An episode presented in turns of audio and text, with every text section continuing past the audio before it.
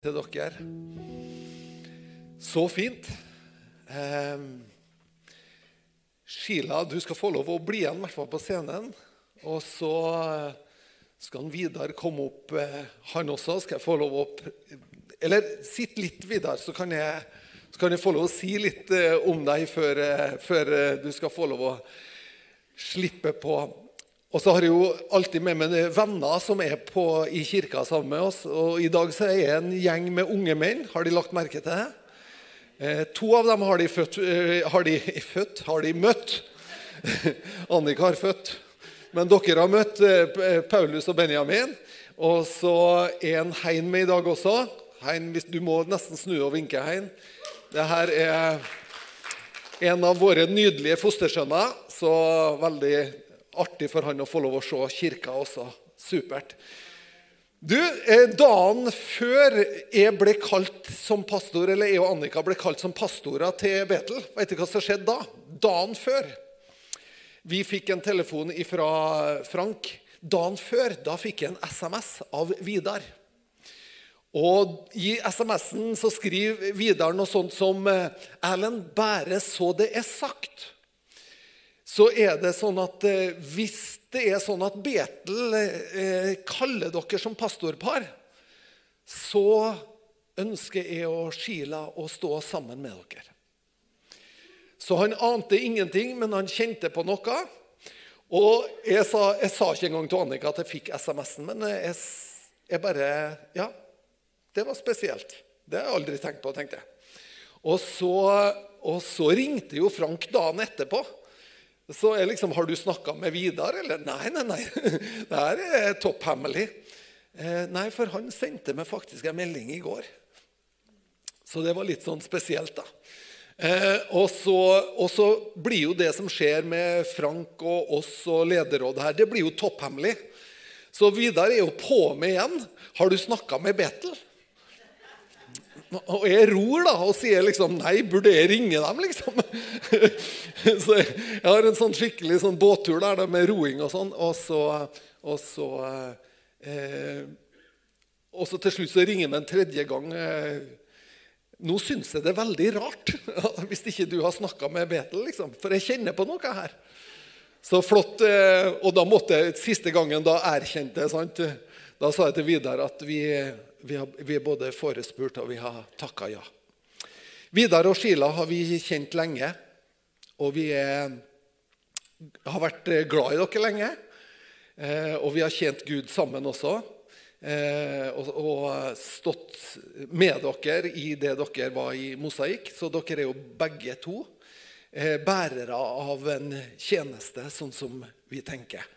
Og vi er veldig takknemlige for at dere ønsker å, å, være med oss videre i den veien som eh, Gud har for oss sammen.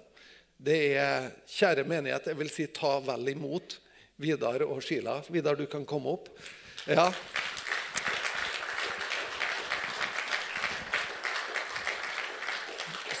Før, så nesten litt sånn før du skal få tale i dag, så har jeg lyst til å bare takke Jesus for dere. Mm. Takk, Jesus, for eh, Vidar og Sheila, som, eh, som har tjent deg i mange, mange år allerede. Takk at vi får lov å be for dem, og be om at de også skal få lov å tjene deg i mange, mange år framover. Og at du skal holde din hånd over dem, og at du skal lede dem, og at du skal styrke dem og familien deres, Herre. Det ber vi om, Herre. Og så ber vi om at du skal føre dem eh, bare fram på område etter område der de kan oppleve at de blomstrer som mennesker, og de blomstrer også i det kallet som du har kalt dem med. Takke, Herre. Vi ber for dem, og vi ber om at de også skal finne et eh, hjem i menigheten her, Herre. Og at de skal få lov å være med og sette sitt eh, preg på menigheten på en god måte, Herre. Det ber vi om. Takk at du holder din hånd over dem i Jesu navn. Amen. Amen. Ja, de er innvilga, spør hun. Ja, tusen takk. Vær så god, Vidar. Du vil dele med oss? Ja, Vil du ha en uh, ny mikk, eller? Kanskje. Ja. ja, tusen takk. Var det voldsomt til introduksjon? Jeg sa at jeg ville ha håndholdt mikrofon, så jeg har noe å klamre meg til. Og sånne introduksjoner og sånne ord om seg selv, det er kanskje ikke der jeg er på mitt beste, men uh, setter pris på det. Tusen takk. Uh, det er jo ikke nytt for oss å være i Betel. I 1995 så, så sto jeg der og og skulle bevise for noen venner av meg at det var bare tull med Gud og det at Gud rører ved oss. Så var det en tidligere pastor her som nå er min beste venn, eh, Tor Einar Krog, som hadde møte. Så kom han, så sto han foran meg, og så tok han ut armen sin sånn. Og så sier han 'Jesus'.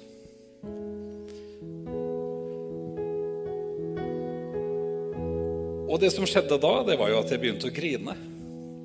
Og så gikk jeg ut, rulla meg en røyk. Så visste jeg at dette her må jeg faktisk forholde meg til resten av mitt liv. For jeg skjønte ikke hva som foregikk.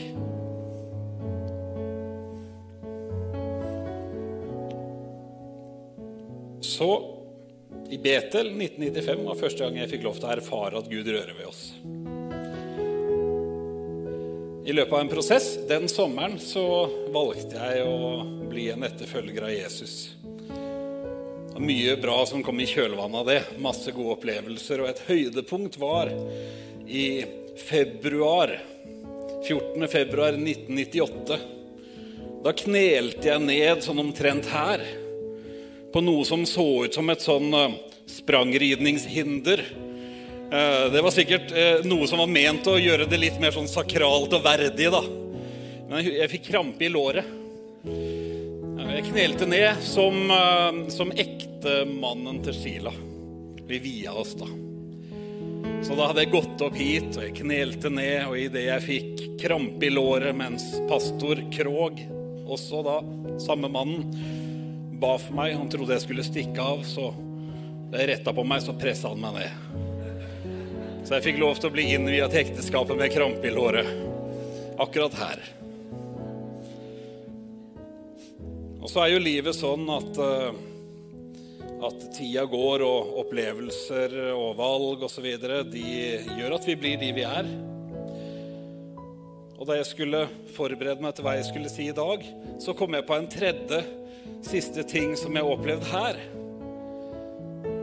I tida mi som helt ny etterfølger av Jesus, så, så var det på et møte hvor han som forkynte, sier Og hvis du trenger helbredelse, så legg hånda på det stedet du er syk, så kan Gud helbrede deg. Og jeg var ganske ivrig da. Og jeg tenkte å ja, så bra, nå er det mange som sikkert kommer til å bli helbreda. Så var det som om Den hellige ånd bare prikka meg på skuldra, og så sier han, men hva med deg, Vidar? Og da hadde jeg I familien min så, så er det flere som har vært plaga av psoriasis og hudsykdommer osv. Og, og jeg hadde bare blitt vant til å ha den skavanken, eller den ulempen, eller den sykdommen. Så jeg tenkte ikke på at det kunne gjelde meg.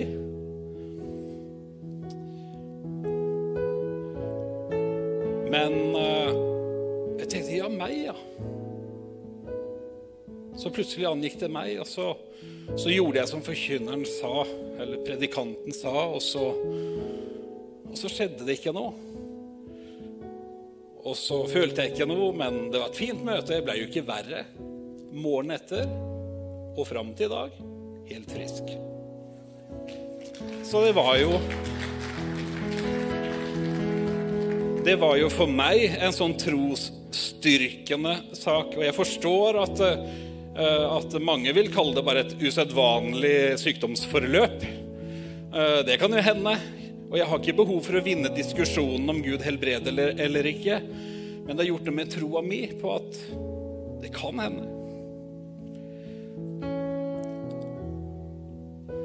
Så det jeg skal prøve på i dag, da, det er bare å ta en liten sånn vei som ender der igjen. At vi skal ha en forbønnsstund hvor du kan sitte der du sitter, og så kan det hende at vi kan oppleve at Gud rører ved oss. Så må jeg si tusen takk også til de som gir lyd og bilder og alt mulig. Jeg har sendt en powerpoint og så, eh, eller noen, noen bilder bak her som, som kan hjelpe oss litt igjennom. Takk, Sheila. Det er så god stemning. Kommer i sånn godt, eh, Jeg lever med den gode stemninga. Sant? Så det er jo fint. Jeg skal prøve å si noe om, eh, om akkurat som du er med prikk, prikk, prikk i begge ender. Så jeg visste ikke helt hva jeg skulle sette foran og bak. Men akkurat som du er. Dette er talen min. da. Det var sånn det så ut. Sheila hadde ikke så stor tro på at det kom til å bli bra. Men uh, nå vet dere åssen jeg forbereder meg når jeg skal tale. Um, akkurat som du er. For kjernen i, i det å, å komme frem for Jesus, er at han kaller oss til å være akkurat de vi er. Uh, jeg har lyst til å starte med to små historier. og Det første er en boligblokk. Eh, det var litt sånn kunstnerisk effekt på dette, men dette er faktisk Grågåsveien 45 eh, i Kristiansand. Jeg flytta dit da jeg var fem år. Og Se for deg nå en, en liten, lubben rødhåring som står utenfor blokka og er helt ny. Flytta fra Oslo-området og dit og er spent. Og så kommer det to større, skumle gutter. Og så stiller de seg opp foran deg, og så sier de på sørlandsk «Å, er det du heder?» Og så vet du at du heter Vidar, og du kan ikke si R og du skal gi et førsteinntrykk, og hodet begynner å spinne, for du har jo ikke lyst til å si til de tøffe, skumle guttene med en sånn dialekt at du heter Vidal. Så hjernen går i 100 000 km i timen, og det sier Jeg gir meg selv et annet navn. Så jeg sa Molten. Kunne jeg ikke bare sagt Ole eller Ove eller et eller annet uten R? Jeg hadde så lite lyst til å fremstå som ny og mentalefeil og rar dialekt og alt mulig. Og så blei det bare helt feil, alt sammen. Så fem år gammel så var de Mitt første forsøk på å bygge nye relasjoner det var at jeg presenterer en, et, en, et falskt jeg som bare er enda verre. Og det går ikke an å rette det opp heller. Hvorfor, Hvorfor sa du at du het Morten når du heter Vidar? Fordi jeg ikke kan si L? Det er jo ikke en god nok forklaring. Men jeg har et minne at jeg som femåring prøvde å forestille meg å være noe annet enn det jeg var, og det mislyktes veldig. da. Eh, og så ble jeg etter hvert litt eldre, da jeg ble tenåring. Og så, og så bodde jeg i, i, Oslo en periode. Um, og på Ingerstrand var det vel, der er det et stupetårn. Og det er Det er høyt på timeteren. Og nå skal vi ikke ha sånn macho håndsopprekning. Sånn, 'Hvem har hoppa fra timeteren?' Uh, eller noe sånt Vi kan ha en macho håndsopprekning. Hvem gikk ned igjen? Jeg tenkte, fordi at det må man jo gjøre, man må jo hoppe fra timeteren. Og jeg tenkte jeg er jo en sånn en. Men det som var så rart den dagen jeg skulle hoppe fra timeteren på Ingerstrand, det var at idet jeg gikk opp stigen, så ble det væromslag. Så det begynte å blåse ganske kraftig.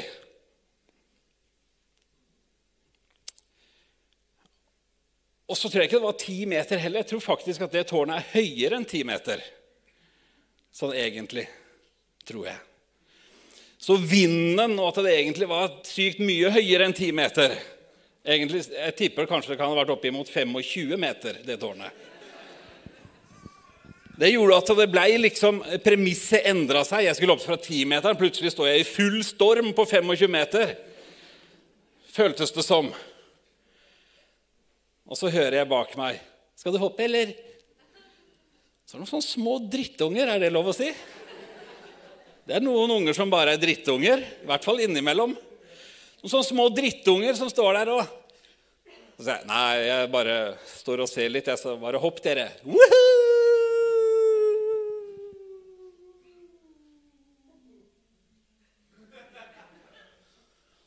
Plask. Jeg turte ikke å hoppe, så jeg gikk ned igjen. Og vet du hvordan jeg gikk ned? Så fort jeg kunne. Og så løp jeg ut på fem meter og lot det stå til å hoppe. Og så håpet jeg at de små barna trodde at jeg hoppa fra ti meter. Er ikke det ganske patetisk? Er ikke det en sånn skikkelig utrolig pinlig patetisk ting å gjøre?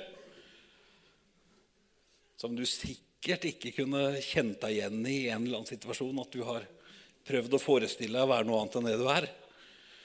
Så det var tenåringstida. Nå blir det spennende, for nå skal jeg begynne å snakke om meg som voksen. Nei da, jeg skal ikke det. Men uh, det jeg har lyst til å si, da, det er at uh, vi har noen sånne forestillinger av hvem det er vi skal være. Og fra den dagen jeg tok imot Jesus og ble en etterfølger av han, og livet mitt som kristen, så har det i så stor grad handla om at jeg bør bli en versjon. At jeg bør bli en. Jeg bør bli noe som jeg ennå ikke er, men som jeg kanskje kan bli hvis jeg bare gjør sånn. Og gang etter gang og år etter år så hender det Gud prikker meg sånn på skuldra, og så sier han, 'Vidar, jeg vil møte deg.' Jeg vil møte deg. Ikke hvem du tenker du burde ha vært, eller hvem du er på vei til å bli, eller den versjonen som en gang Jeg vil møte deg. Og samme åssen bølger livet har vært i også. Samme om det er forestillinger, eller om det er mitt sanne jeg, så stopper Gud meg til stadighet og sier, 'Men det er deg nå jeg vil være sammen med'. Neste slide den er en illustrasjon på, på det som David Benner, han er psykolog og teolog, har skrevet en vidunderlig bok som heter 'The Gift of Being Yourself'. Han presenterer teorien om the false self and the true self. Ditt falske jeg og ditt sanne jeg. Og han sier at, at det å være seg selv, det kan jo være et sånn risikabelt prosjekt. Og det er kun i Guds hender og i møte med Gud at vi virkelig får være vårt sanne jeg. Det Bibelen sier i 2. Korinterbrev kapittel 5 vers 17, det er at den som er i Kristus, han er en ny skapning. Det gamle er borte, og det nye er blitt til. Og Bibelen sier også i Romerbrevet kapittel 12.: La dere forvandle ved at sinnet fornyes. Så det er ikke sikkert at vi skal tenke at ja, jeg skal bare være meg selv, jeg, uten noe inngripen av noe. Fordi Kristus vil gjøre alt nytt. Og vi oppmuntres til å være i forvandling i forhold til hvordan vi tenker. Men samtidig så er bibelidealet også sånn at det har rom for klagesangen. kapittel 5, vers 17 og vers 21, så står det Hjertet er blitt sykt. Øynene er blitt svake. Herre, led oss tilbake til deg, så vi kan vende tilbake. Gjør dagene våre nye, slik de var før. Jeg tror i det at vi skal snakke om vårt sanne jeg, så må vi tørre å snakke om spennet i at Bibelen er idealet, og du og jeg er virkeligheten. Virkeligheten vår. Og det er sånn at her inne så vil vi oppleve spennet i at Bibelen er en modell og et ideal. Og så har vi dratt på oss noen erfaringer, og vi har noen, vi har noen ting som har festa seg ved oss, som gjør at lengselen vår kanskje kan være sånn som i klagesangen. Åh, Gud, gjør dagene våre nye. Kan du ikke gjøre det sånn som det var før? Til stadighet så ender vi opp ved det punktet hvor sinnet trenger fornyelse. Hvor vi skal få lov til å minnes om at det gamle er forbi. Se, det har blitt noe nytt.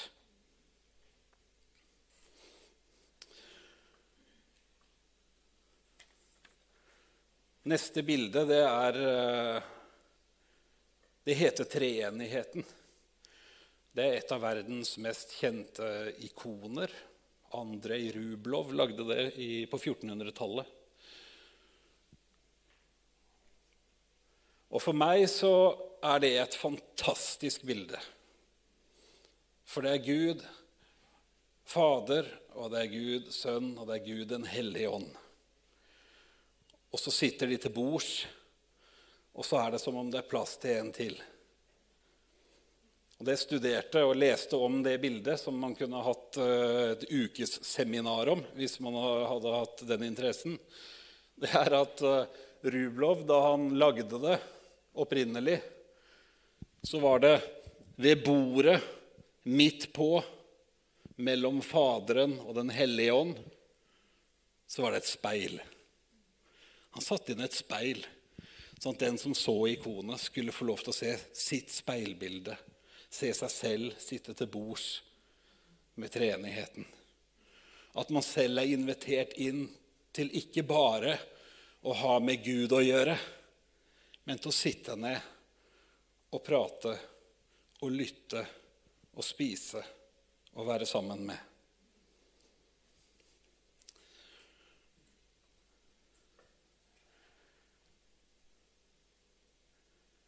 Vi inviteres inn, og ikke bare er det noe som er fint, men det er jo det som er verdens håp. At vi inviteres inn til fellesskapet med Gud. Og likevel så kan det være litt vanskelig. Jeg vet ikke med deg, men jeg vet for min egen del likevel. Jeg kan høre det, og invitasjonen kan bli gitt, og likevel kan det være litt vanskelig å på en måte ta de stegene og sette seg ned, da. Det kan hende at det er fordi man ikke får en helt konkret praktisk anledning. Og det kan hende at det er fordi at det er litt vanskelig å tenke at man faktisk er invitert. Men hva med? Og ikke bare at man har erkjennelse om sine egne feil og mangler, men litt òg i forhold til hvordan man assosierer med andre. Jeg husker da jeg som leder i Mosaikk Trondheim eh, fikk beskjed etter en gudstjeneste om at noen hadde vært på besøk der. Og så sa de nei, dette her er ikke noe sted for oss. Han Pastoren med det røde skjegget han har ikke mye åndelig autoritet. Da tenkte jeg det hadde de bra rett i.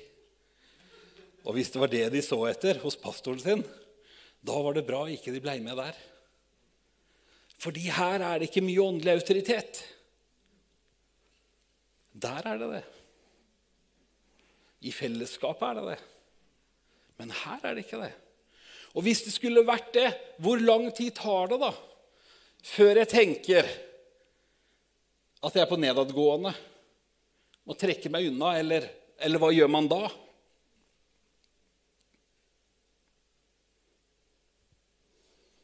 Det kan være litt vanskelig fordi vi kan assosiere oss. Vi kan assosiere oss ikke til nødvendigvis forkynnelsen, men kanskje til forkynneren. At vi kan assosiere oss ikke nødvendigvis til Jesus, men til kirka. At vi kan assosiere oss ikke nødvendigvis til de gode nyhetene for oss, Men vi kan assosiere oss til den debatten som ikke høres ut som noen gode nyheter for noen. Så blir det disassosiasjon og avstand fordi at blikket vårt er på feil sted. Fordi at vi ser på feil ting. Jeg håper jo i dag at det du ser, ikke er til hinder for at du kan sette deg til bords med eller ta imot fra Jesus. For det du ser, det er bare en bror og et medmenneske akkurat som deg. Uten noe mer spektakulært enn det. Og det er jo det Gud har lyst til å bruke. Det er jo da en enkel kar kan sitte på kjøkkenet sitt med en kaffekopp og få det for seg at hm, Erlend, hvis han blir pastor i Trondheim, da tror vi sannelig med at vi skal være med på det. Det kan hende det var fint for Erlend å få den tekstmeldingen dagen før som et sånn varsel, eller bare som en sånn bekreftelse på at noen andre opplever at dette kan være bra. For oss var det jo en gave at Gud ga oss ei kirke igjen. Så til bords med trehenigheten, der skjer de fantastiske ting. Der kan du bli invitert til å legge hånda på det stedet du er syk, og så kan du bli frisk. Hva skjer når vi lukker øynene? Hva skjer når vi har øynene igjen og vi bare ser for oss et sted som det er godt å være? Om det er ei stue med, med, peisen som brenner, eller om det er på hytta di, eller, eller hvor enn, hjemme hos mor og far. Det er bare trygt, og det er godt, og det er det stedet hvor du er flinkest til å være ditt sanne jeg, være deg selv. Hva skjer hvis du ser for deg at Jesus kommer inn og møter deg og ser deg inn i øynene? Hva skjer da? Hva skjer hvis du er på det stedet hvor du vet at nå legger jeg bort alt annet, nå er jeg bare meg sjøl? Åssen ser Jesus ut da når han ser på deg? Når du møter hans blikk Åssen blir samtalen?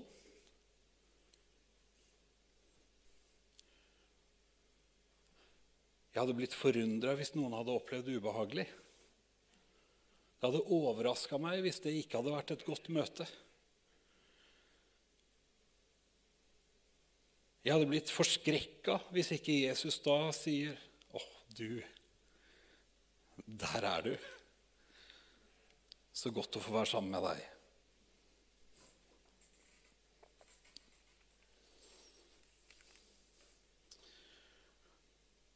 Vi nærmer oss jula, og jeg vet ikke det, Jeg må jo bryte inn og si det, da, at det fantastiske uh, Miracle Workers nede i teknikken de lurte på åssen gjør vi det med å bytte bilde. Så sa jeg vi gjør så godt vi kan. Så nå, nå spoler vi litt fram, tror jeg. Ja, det var et slags eh, jule... Det var noen julegreier. Kanskje vi skal hoppe over det òg? Dette er klassisk. Dette er et kunstverk. da. Det er ikke bare sånn cheesy kristenbilde. Men jeg skjønner at du kunne ha misforstått det. For det, ja, ja, ikke sant? det er kanskje ikke det du henger på veggen. Eller kanskje det er det du henger på veggen. Spiller ikke noen rolle. Hva er det som er greia med jula? Jula er jo en fantastisk gave, ikke bare til Vesten, men til store deler av verden. Og det er en invitasjon til hva da? Det er en invitasjon til å møte Jesus. Og det fins så mange taler om alt hva jula er, og alt hva jula ikke er, og om penger og pakker og jag og mas og sånn og sånn. La nå det ligge. Jula er det sterkeste bildet det går an å gi oss på å komme som vi er. Når Gud skal redde verden, så sørger han for at det fødes en redningsmann. Og fins det noe annet som er mer akkurat som det er, enn et lite barn? Enn en nyfødt? Har du tenkt noen gang på det at, at Gud har ordna det sånn for hele menneskeheten, faktisk? At vi entrer, en, entrer denne kloden akkurat som vi er? Det går ikke an å bli en del av verden på noen annen måte enn akkurat sånn som vi er. Er ikke det fantastisk? Er det ikke et fantastisk bilde at Jesus selv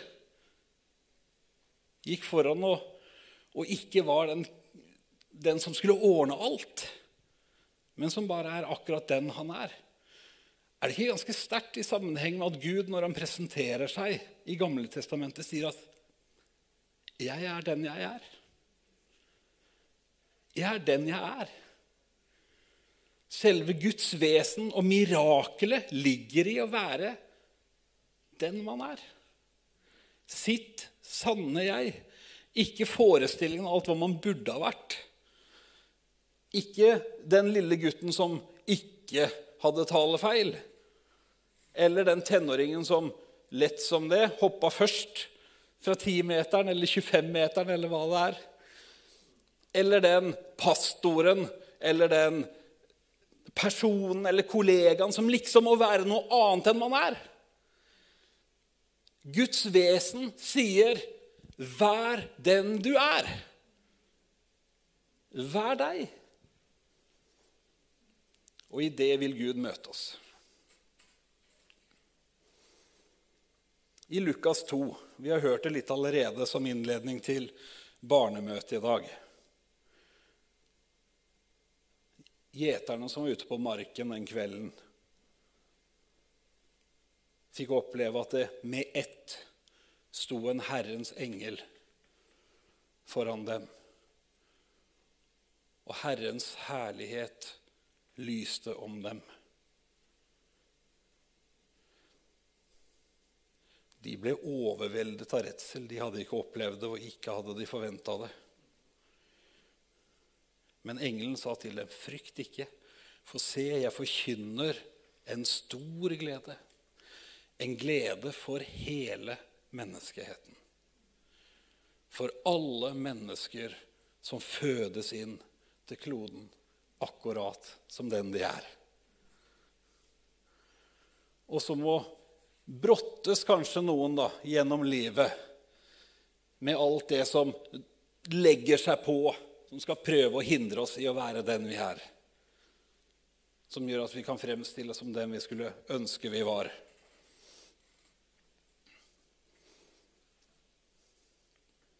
det nyfødte barnet akkurat slik som vi er.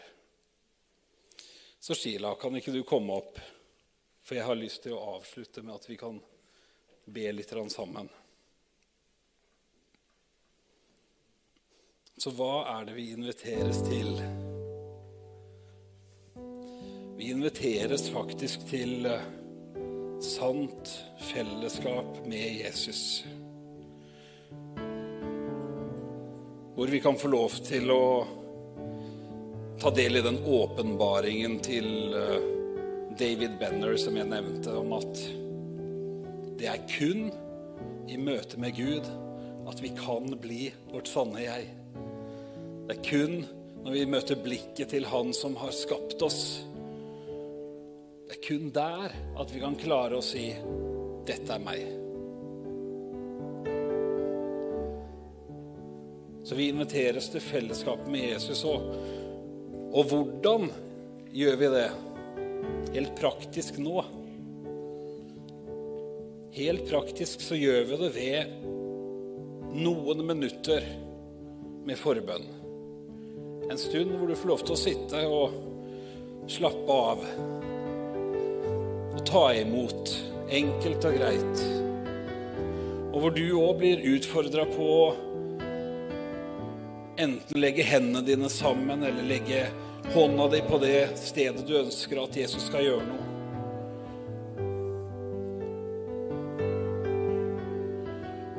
Og hvorfor gjør vi det på den måten? Der står det i Hebreerbrevet, et fantastisk bibelvers, om Jesu oppgave nå i dag for oss. Står at Jesus, han lever og går i forbønn for oss hele tiden.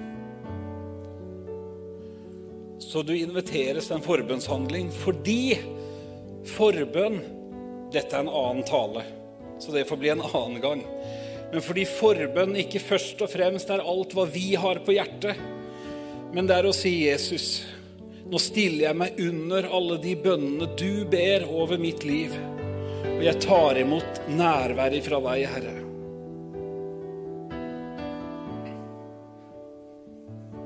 For Jesu tjeneste som den evige prest etter Hebreerbrevet kapittel 12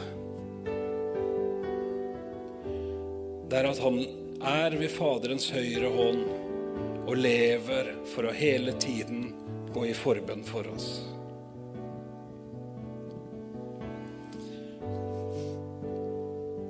Så takk, Jesus.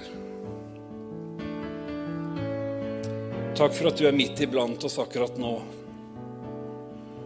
Takk at ikke vi ber om magi, at ikke vi ber om stemning.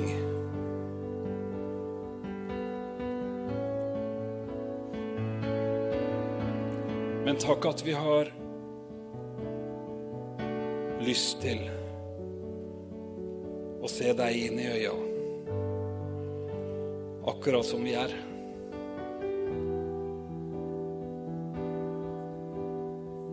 Og takk, Hellige Ånd, at du virker iblant oss.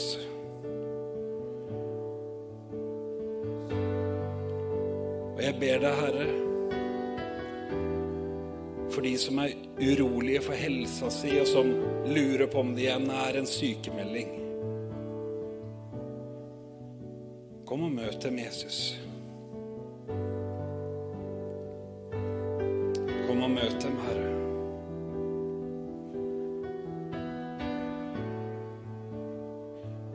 Og Jesus, du er sammen med oss, og det er òg noen som er stadig tatt av følelsen av å være litt aleine. Selv om man har mennesker rundt seg, så demmer ikke det opp for en ensomhet man føler på. Takk, Jesus, at du omfavner dem nå, at du klemmer dem, Herre.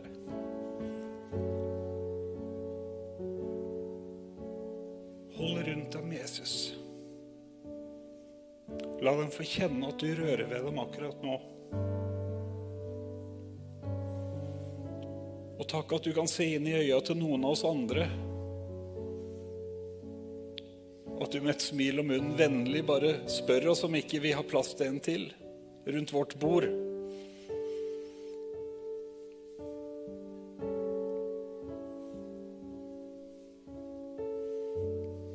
Du vet hva angst er for noe, Jesus. Du har opplevd det selv. Du vet hvor vondt det kan være, og jeg vet, Herre, at du har tatt det på deg. Så jeg ber om at du legger dine hender der det er angst. Så kommer du med fred som overgår hjernen.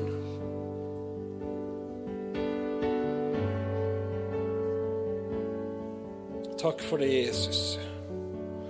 Legg dine hender på, på de hodene som er grepet av angst, og helbred inn i det limbiske systemet, og sett deg der med en glede som ikke kan forklares som noe annet enn at du at, at du hjalp oss, Herre.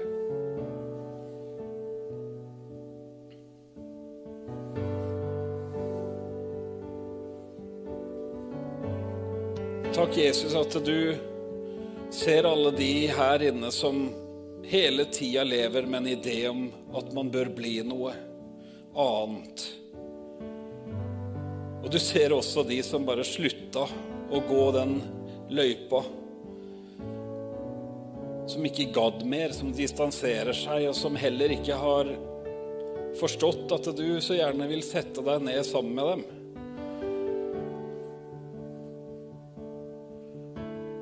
Takk at du ser inn i dems øyne, Herre. At ikke du snakker om hva det burde ha vært. Du bare syns det er godt å være sammen med oss.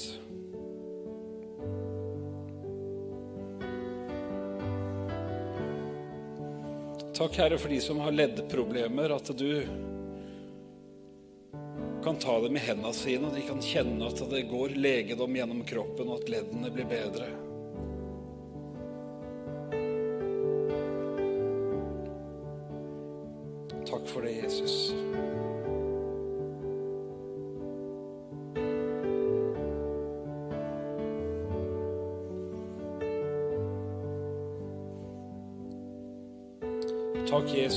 Som har eller kjenner noen som har kreftsykdom.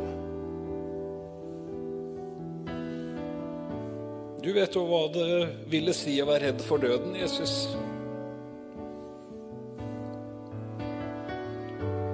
Så overvant du den.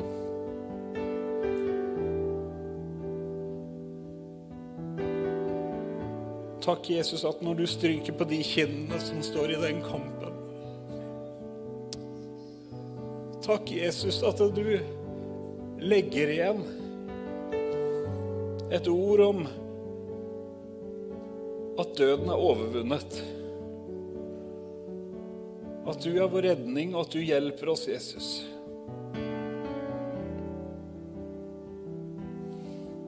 Takk for alle de sykdommer og plager og avhengigheter som kan være i dette rommet eller representert i nettverkene våre, Herre.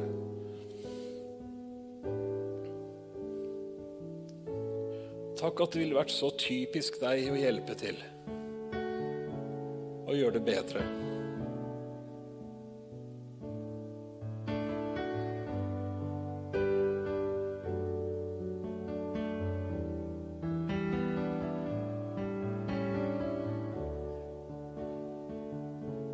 kommer opp en historie, en kort historie jeg har lyst til å, å fortelle. og Det var min eldste sønn. Han var to år gammel. Så kom han til eh, Sheila sin kjære onkel som lå på lindrende avdeling. Og Det var like før han døde, og han var herja av sykdom. Han var ikke frisk i det hele tatt. Da kommer eh, vår sønn på to år inn med noen kjeks. Så hopper han rett opp i senga til den syke, svake mannen som nok hadde veldig vondt, og som et lite barn ikke burde hoppe opp i senga til. Så setter han seg oppå han og sier han, 'Vil du ha en kjeks?'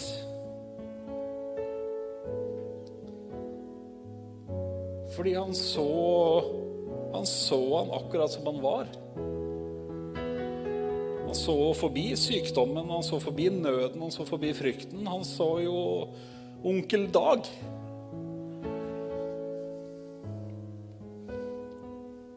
Sånn er det for oss i møte med Jesus. Vi kan få lov til å komme akkurat sånn. Om det passer seg eller ikke. Akkurat sånn. I Jesu navn. Amen.